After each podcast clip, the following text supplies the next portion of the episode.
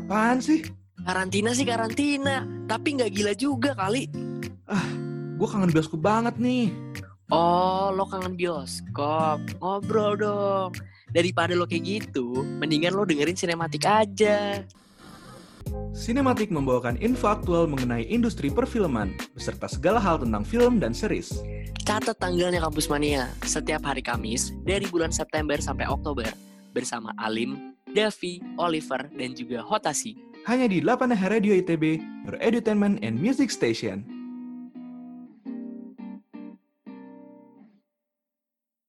Sembilan FM, 8 Radio ITB, Your Edutainment and Music Station. Halo, halo, halo, halo Kampus Mania. Balik lagi sama Bram di sini dan tentunya dengan Oliver di acara Cinematic.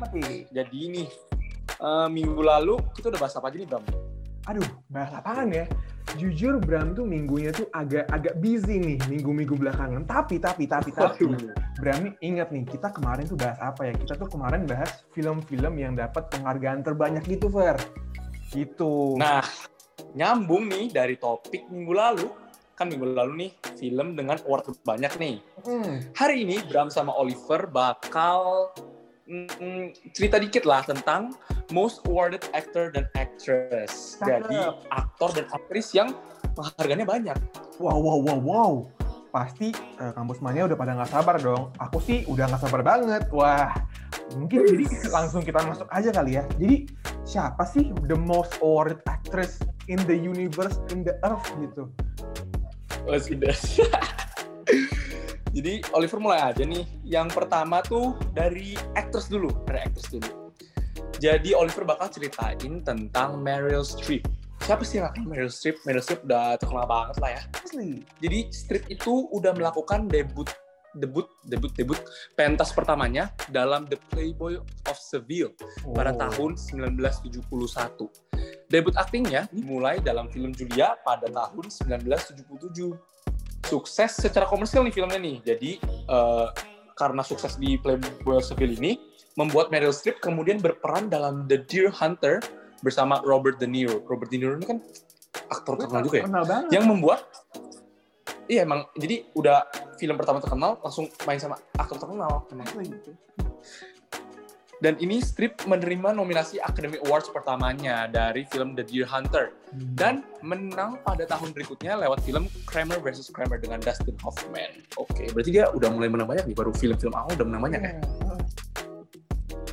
Ia kemudian memenangkan Academy Award keduanya tahun 1982 lewat film Sophie's Choice dan Oscar ketiganya lewat perannya sebagai mantan Perdana Menteri Inggris Margaret Thatcher di The Iron Lady tahun 2011. Wow, jadi debutnya 1971, tapi sampai 2011 masih menang Oscar bro. Berarti udah 40 tahun 10 tahun. acting, 40 tahun acting tapi masih dapat Oscar. Jago, emang jago. Emang jago banget Meryl Streep ya. Iya. Awalnya aja udah gak tahu udah udah umur berapa. Terus selama 40 tahun masih. Jadi um, Meryl Streep ini terus muncul di berbagai judul film nih, baik drama, kome maupun komedi. Jadi dia bisa drama, bisa komedi, oke. Dan membangun citranya sendiri sebagai aktris karakter. Ia juga dikenal sebagai bunglon karena kepiawaiannya mengubah penampilan fisik yang berbeda di tiap film. Dan juga dijulu- dijuluki Master Accent karena kemampuannya untuk meniru aksen asing dan domestik. Dimulai dari aksen Inggris lewat film The French Lieutenant's Woman pada tahun 1981, Plenty pada tahun 1985, dan The Iron Lady tahun 2011. Oh, pantesan dia menang Oscar banyak ya, Bram? ya? Maksudnya, dia bisa drama, bisa komedi, dan dia bisa mengubah penampilan fisiknya. Dan actionnya pun beda-beda. Jago ya. emang bener-bener bunglon gitu loh, Fer.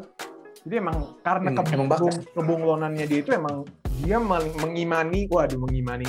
Dia tuh Lima. dia sangat-sangat eh, mendalami karakternya gitu ya. Jadi dan emang Hmm. appreciate sebel banget sih. Hmm. Jadi ternyata ia tuh mengambil Meryl Streep ya. Meryl Streep mengambil kursus bahasa untuk berbicara baik bahasa Inggris dan Jerman dengan aksen Polandia dalam Sophie's Choice. Buset. Emang mendalami Bram. Mendalami. Bram tadi. Mendalami. Kemudian memukau kritikus dengan aksen Australia bernuansa Selandia Baru dalam film A Cry in the Dark 1988, aksen Italia dalam Bridges of Madison County 1995, dan aksen Yiddish atau Ibrani dalam film TV Wow. Angels di eh maaf dalam film TV Angels in America. Oke, jadi Inggris kan emang banyak aksen ya dan emang beda-beda sih aksennya. ya. Inggris, Amerika, Eropa, terus Australia, tapi dia bisa semuanya ternyata. Wow. Belum lagi berbagai macam aksen lokal Amerika. Waduh, emang, Di- dedicated banget sih. emang emang jago, emang jago. Maksudnya kayak Oh, iya. dia bisa ganti aksen-aksen Inggris dia sama yang les. Jadi dalam kaitannya dengan topik Oliver sama Bram hari ini, ternyata Meryl Streep itu pemegang rekor nominasi terbanyak aktor dan aktris. Terbanyak. Berarti Bukan bukan dia Leo. Dia bukan bukan Leonardo DiCaprio. Bukan, Bukan. bukan. Nominasi terbanyak aktor dan aktris digabung. Jadi dia Oh. mengalahkan semua aktor dan mengalahkan semua aktris Oh, berarti nggak ada dalam sejarah Oscar. nggak ada aktor cowok yang bisa mengalahkan si Meryl Streep ini. Nggak ada. Wow, wow. Jadi Meryl Streep ini nominasinya ada 17. Wow. Wow. Oke. Mm-mm. Udah menang 3 Oscar Mm-mm. dan 26 nominasi Golden Globe. Memenangkan 8 di Golden Globe. Lebih dari aktor lainnya dalam sejarah. Berarti emang Oscar dia nomor satu, Golden Globe nomor satu. Waduh. Hmm, emang jago nih, Wow. top of the top. Of the top. Oke, oke. Selain itu, nih Oliver bakal baca ini ada apa aja sih? Ada ada apa? Ada award apa aja sih yang dia menang? Hmm. Dua Emmy Awards, dua Screen Actors Guild Awards, sebuah penghargaan Festival Film Cannes, Mm-mm. Film 5 New York Film Critics Circle Awards, dua BAFTA Awards, sebuah Australian Film Institute Award, lima nominasi Grammy Award dan nominasi Tony Award. Wah, banyak banget. Wow, banyak banget. Kalau Hmm, kalau penghargaan Kalpataru ada nggak ya? Meryl Streep? Nggak ada ya, nggak ada. ya? tapi yang yang bikin Oliver penasaran nih. Meryl Streep memenangkan lima nominasi Grammy Award. Grammy Award kan buat musik ya? Hmm, Tapi dia menang lima nomi ah dia dia ada lima nominasi Grammy Award. Oke, berarti dia bisa nyanyi dulu mungkin. bisa jadi. Dia, mungkin dia juga main drama musikal gitu, Far kan? Terus dia menang. Oh, iya. kan? Siapa tahu. Oke, berarti dia udah jauh acting, ngalahin semua aktor yang ada di Oscar dan Globe, Golden Globe. Hmm. Terus dia ada Grammy juga. Wow, multi talenta ya. Wow. Dan dia juga dianugerahi AFI Lifetime Achievement Award pada tahun 2004 yang dihadiahi sahabat-sahabatnya. Sahabat-sahabatnya pasti ya aktor-aktris terkenal ya. Robert De Niro, Jack Nicholson, Goldie Hawn, Di- Diane Keaton, dan sutradara Mike Nichols. Tahun 2011, Strip juga dianugerahi Kennedy Center Honor atas kontribusinya terhadap budaya Amerika melalui seni pertunjukan dan merupakan aktris termuda dalam sejarah masing-masing penghargaan itu. Wow. Strip kemudian dipertimbangkan sebagai salah satu aktris yang paling dihormati dan paling berbakat sepanjang masa. Wah kalau ini Oliver harus setuju juga sih ya. Hmm. Kalau emang penghargaan udah sebanyak ini dan emang legendaris sampai kontribusi terhadap budaya Amerika melalui seni pertunjukannya tuh di di notice gitu loh. Hmm. Keren emang. Tapi Bram sebagai eh, Gen Z gitu ya, sebagai milenial gitu. Jujur aja Hmm. emang Meryl Streep ini namanya sering berseliweran di mana-mana. Cuman Bram tuh nggak tahu loh ternyata wah Meryl Streep ini salah satu aktris Hmm. legendaris yang juga memenangkan seluruh penghargaan terbanyak gitu ya. Dan dia juga berkontribusi di budaya-budaya Indonesia. Ah bukan, Amerika ya. Budaya Amerika. Amerika, benar, benar. Jadi Tapi emang dari personal experience-nya Oliver sih, Oliver sering, gue sering denger sih, bokap Hmm. gue bilang Meryl Streep emang legendaris banget. Emang mungkin nih aktor slash aktris paling legendaris sepanjang masa mungkin bisa jadi. Oh, bisa jadi. Emang penghargaannya banyak banget, gile. asli asli asli. Tapi tapi nih, Fer, selain itu Hmm. kan, selain tadi Meryl Streep salah satu aktris dengan the most awarded gitu ya. Ternyata ada juga Hmm. nih the most awarded actor gitu. Tapi bukan Waduh. aktris ya, tapi aktor nih. Nah, ini pasti pada pada udah denger juga sih namanya adalah Al Pacino. Wah, ibu bukan bukan cappuccino teman-teman, Al Pacino. Nah, jadi Al Pacino ini merupakan aktor dan filmmaker dari Amerika gitu kan. Jadi emang sepanjang karirnya ini dia tuh udah dapat banyak banget nominasi terhadap karyanya. Dia juga salah satu performer nih yang telah mengharga, memenangkan gitu ya penghargaan Triple Crown of Acting yaitu ya Academy Award, Emmy Award, dan Tony Award yaitu salah satu pencapaian tertinggi di industri film gitu di Amerika. Dan si Al Pacino ini gitu ya, bukan cappuccino sekali lagi, yaitu dia juga telah diberikan penghargaan AFI Life Achievement Award. Jadi AFI ini American Film Institute gitu ya. Terus dia juga ada dapat Cecil B. DeMille Award dan juga the National Medal of Arts. Jadi benar-benar kontribusinya terhadap seni di Amerika itu benar-benar dihargai gitu. Nah, tapi jadi si, si Al Pacino ini debut di industri film itu pada umur 29 tahun gitu. Kan Bram sih ini ya, Bram sih apa namanya?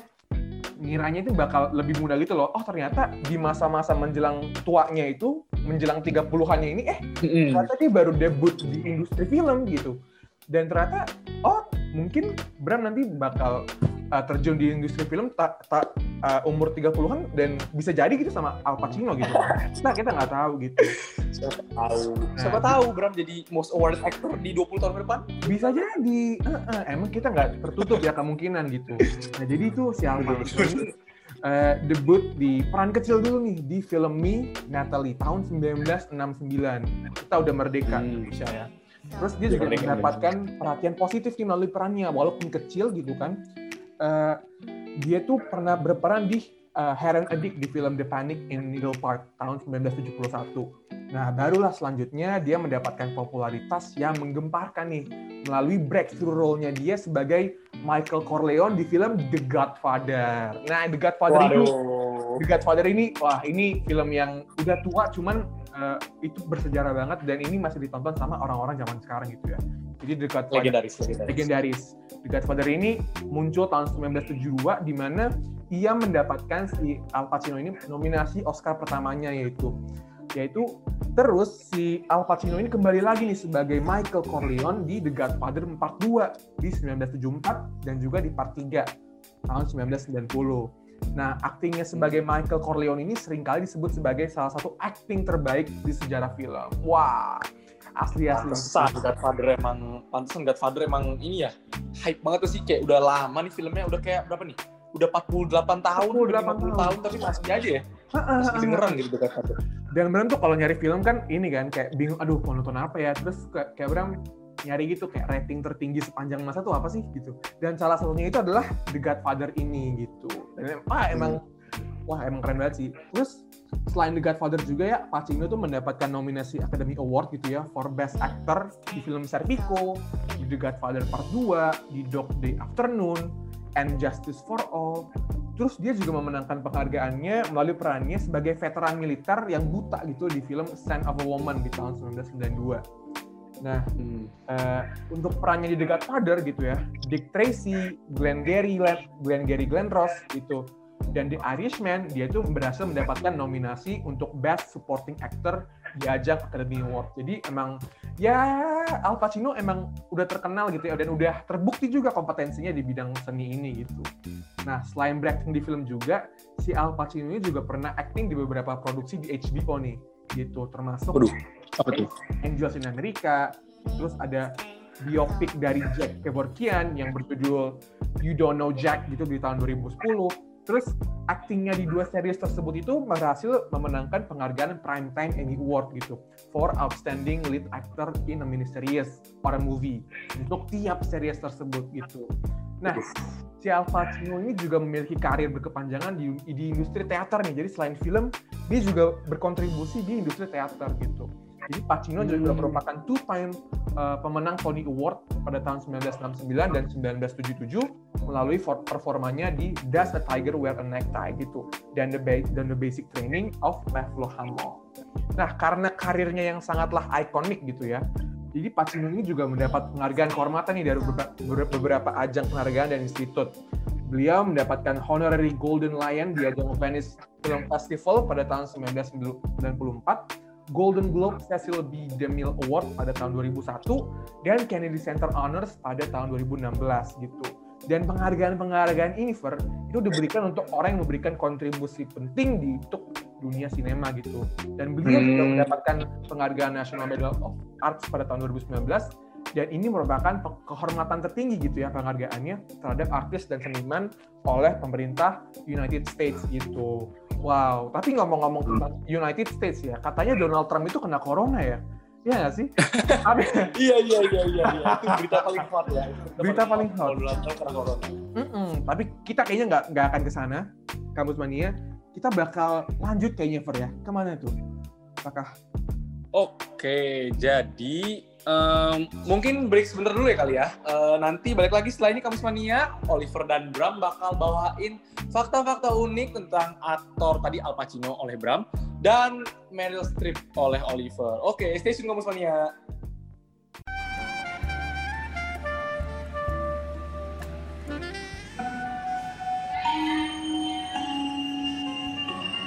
Mohon perhatian Anda. Pintu teater sinematik telah dibuka.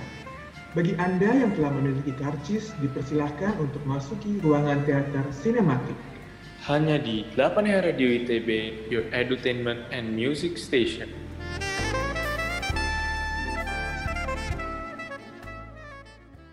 Halo Kemas Mania, balik lagi nih bersama Oliver dan Bram. Jadi tadi Oliver kan sama Bram udah janji ini mau bacain fakta-fakta unik mengenai aktor Al Pacino dan aktris Meryl Streep. Jadi Oliver mulai dulu ya, kayak ladies first kan, itu kan Oliver baca dulu ya. Eh, bukan- mak- maksudnya bukan Oliver ladies, maksudnya Meryl Streep-nya ladies, jadi Oliver baca duluan gitu ya. benar banget. Oke. Jadi fakta pertama Meryl Streep adalah Meryl pernah menjalin asmara pada tahun 1976 dengan aktor film The Godfather, tapi bukan Al Pacino ya, John Cazale. Sayangnya hubungan asmara tersebut harus kandas ketika John meninggal karena kanker pada Maret 1978. Waduh. Waduh. Jadi John ini main film 1974 terus meninggal karena kanker 1978. Wah, cuma Waduh. 4 tahun, sedih banget. Cepat juga ya. BTW. Wow, Cepet banget, Bang. banget. Goks, goks. Strip yang kedua nih ya. Strip mengambil pelajaran menyanyi opera formal sejak 12 umur 12 tahun dan memamerkan bakatnya di tahun 2012 Into the Woods. Opera Bram, bayangin opera Bram. Bisa bisa nyanyi opera Bram. Gitu. Bram. Waduh, itu seriosa ya, lebih ke seriosa. Gila, Bram. Maaf. Eh, Ya. oh, Gila gila gila. Oke. Jadi dia bisa nyanyi ternyata, dia bisa nyanyi Oh, makanya Grammy itu. makanya Grammy. Dia menang nominasi Grammy 5. benar, benar. Mm-mm. Oke. Strip menyimpan kacamata hitam ikonik yang dikenakan Miranda Priestley di The Devil Wears Prada. Oh, ini Oliver suka banget di The Devil Wears Prada. Hmm. Bahkan kacamata itu ia pakai saat berperan di Mamma Mia. Oh. Oh, Tapi Ma- emang Mamma Mia juga terkenal ya. Oh, Ma- Mama Mia yang di Indonesia itu kan? Mama Mia. Bukan ya? Oh, bukan, bukan. Bukan, Bram. Bukan, Bram. Bukan, Bram. Ini Mamma Oh, bukan. Mia, film yang terkenal, Bram. Film yang terkenal. Oh, iya iya iya. Oh, Oke. oh, oke oke oke. Tapi Bram, ngomong-ngomong Devil Wears Prada, Bram pernah nonton Devil Wears Prada nggak? Nah, ini baru banget nih. Jadi tuh Bram tuh nyari-nyari kan tadi uh, Meryl Streep tuh kayak apa gitu kan orangnya. Dan emang dia tuh mainin The Devil's Prada yang berdasarkan karakter Anna Wintour namanya. Anna Wintour Hmm. ini adalah dia itu salah satu pimpinan di The Vogue magazine. Kalau kalau Oliver tahu gitu kan. Dan itu dia itu benar-benar uh, salah satu wanita yang sangat mengintimidasi gitu ya sebagai seorang bos gitu. Dan dan si Meryl Streep ini menurut Bram berhasil banget sih memerankan si Anna Wintour di film itu karena wow bener-bener kayak wanita yang tegas berpendirian independen tidak menye-menye dan wah bener-bener wah keren banget sih gitu Tapi emang karakter dia di The Devil Wears Prada tuh serem, tapi karena keseremannya itu yang bikin bagus ya. Iya sih, kayak dia memerankan orang serem dan dia berhasil gitu memerankan orang serem. bah asli asli asli mirip Jago banget sih. Heeh, mirip banget sama eh, orang-orang yang gitu ya yang meranin eh, karakter-karakter antagonis yang kita tuh jadi bener-bener benci gitu loh kayak itu kan Hmm. berarti kan mereka tuh dapat Berarti bagus. Iya benar, benar. Iya. Benar banget. Tapi ngomong-ngomong tentang Devil's Wears Prada gitu ya, itu Al. Pacino sendiri nih punya beberapa fakta menarik nih, Fer. Jadi Waduh. selama pembuatan film Serpico nih, gitu ya, Al Pacino ini benar-benar mendalami karakternya sebagai polisi gitu ya. Sampai dia itu pernah nepiin seorang sopir taksi gitu dan mengancam untuk menangkapnya gitu karena taksi itu mengeluarkan asap knalpot yang berlebihan. Wow, jadi emang emang jiwa-jiwa justice-nya gitu ya, jiwa-jiwa polisinya. Wow, Al Pacino kirain eh, lebih ke mafia ternyata enggak juga gitu. terus Al Pacino itu ternyata Dia main mafia sendiri, Bram. Dia main mafia sendiri. Nah- main mafia di kehidupan nyata sampai menangkap taksi, supir taksi. Waduh. Waduh, itu agak agak gimana ya? Tapi nggak nggak nggak nggak ini sih kayak karena Al Pacino itu pernah drop out dari sekolah acting ternyata. Oh mungkin Wah. karena dedikasinya yang terlalu tinggi gitu ya sampai pernah supir taksi gitu. Mungkin eh, gara-gara itu mungkin dia dikeluarin dari sekolah acting. Tapi eh, belum tentu juga ya. Terus yang ketiga nih, Al Pacino ini sempat hampir dipecat dari film legendaris yang ia perankan yaitu The Godfather nih. Karena sosok Al Pacino ini dianggap ten- eh, tenang gitu kan dia orangnya. Gak cocok memerankan karakter mafia.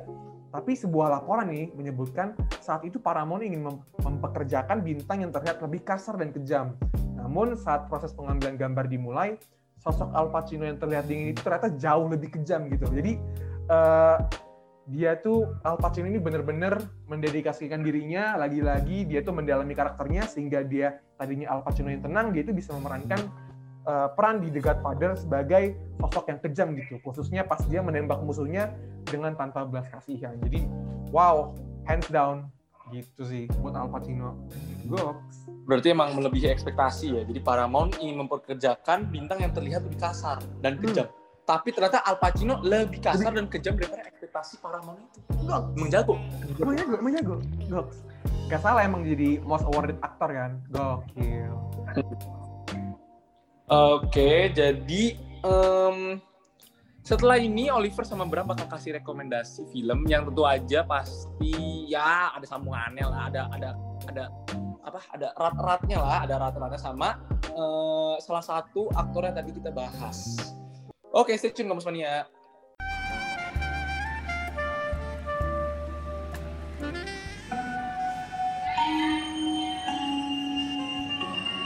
Mohon perhatian Anda, pintu teater sinematik telah dibuka. Bagi Anda yang telah memiliki karcis, dipersilahkan untuk masuki ruangan teater sinematik. Hanya di 8 Radio ITB, your entertainment and music station.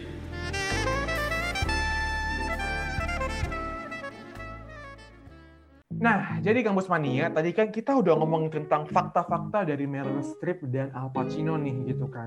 Nah, sekarang kita bakal ngerekomendasiin film-film dan program-program dari kita nih, gitu. Dan kita bakal ngomongin dikit nih tentang rekomendasi kita.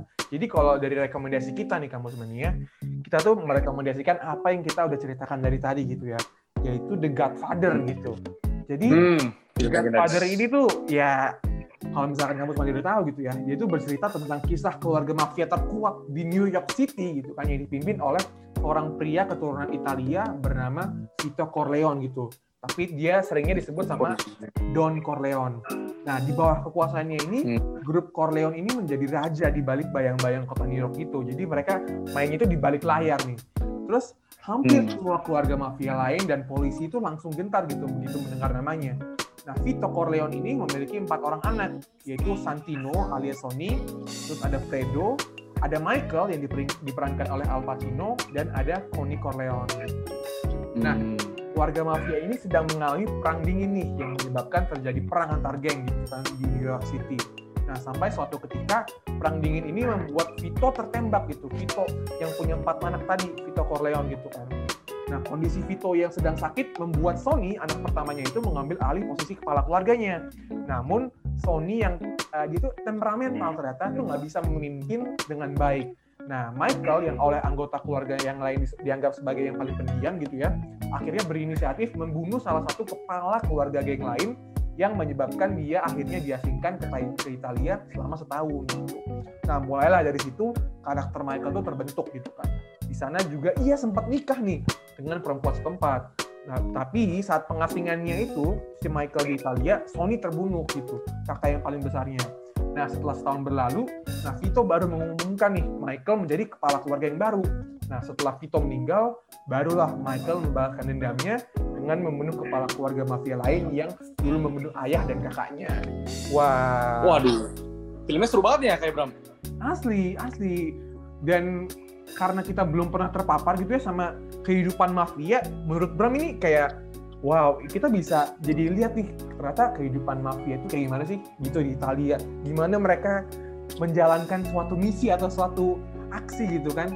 Dan menurut Bram ya mungkin agak-agak sadis dikit gitu ya. Cuman it's worth the try sih.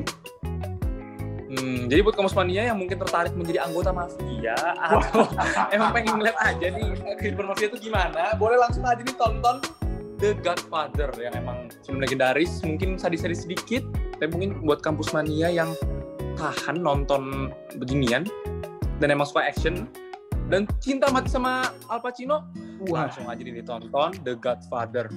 Dan The Godfather ini tadi ada ininya ya, apa? Ada sequelnya ya? The Godfather Ada. 2, The Godfather 3 ya? iya ada Jadi kalau emang habis The Godfather 1 udah selesai, lanjut Godfather 2, lanjut Godfather 3. Oke. Jadi, oke, eh, segitu aja nih Oliver sama Bram eh, cerita-ceritanya hari ini. Jadi Oliver mau review nih singkat supaya kamu semuanya nggak lupa dari tadi Bram sama Oliver ngomongin apa. Jadi yang pertama tadi Oliver udah jelasin penghargaan-penghargaan yang diterima oleh aktris legendaris Meryl Streep. Setelah itu Bram juga ngomongin tentang aktor legendaris juga yang gak kalah legendarisnya sama Meryl Streep, yaitu Al Pacino. Habis itu tadi ada eh, fakta-fakta unik ya yang tentang Meryl Streep sama Al Pacino.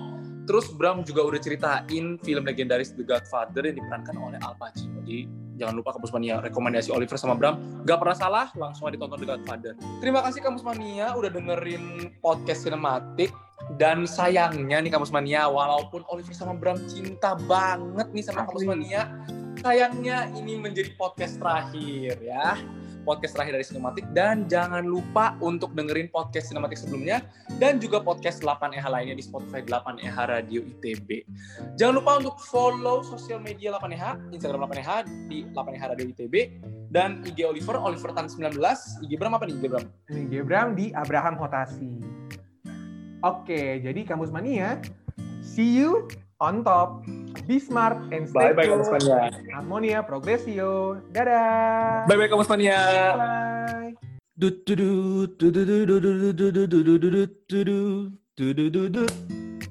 Apaan sih? Karantina sih karantina, tapi nggak gila juga kali. Ah, gue kangen bioskop banget nih. Oh, lo kangen bioskop. Ngobrol dong. Daripada lo kayak gitu, mendingan lo dengerin sinematik aja. Sinematik membawakan info aktual mengenai industri perfilman, beserta segala hal tentang film dan series. Catat tanggalnya Kampus Mania, setiap hari Kamis dari bulan September sampai Oktober bersama Alim, Davi, Oliver, dan juga Hotasi. Hanya di 8 Radio ITB, your edutainment and music station.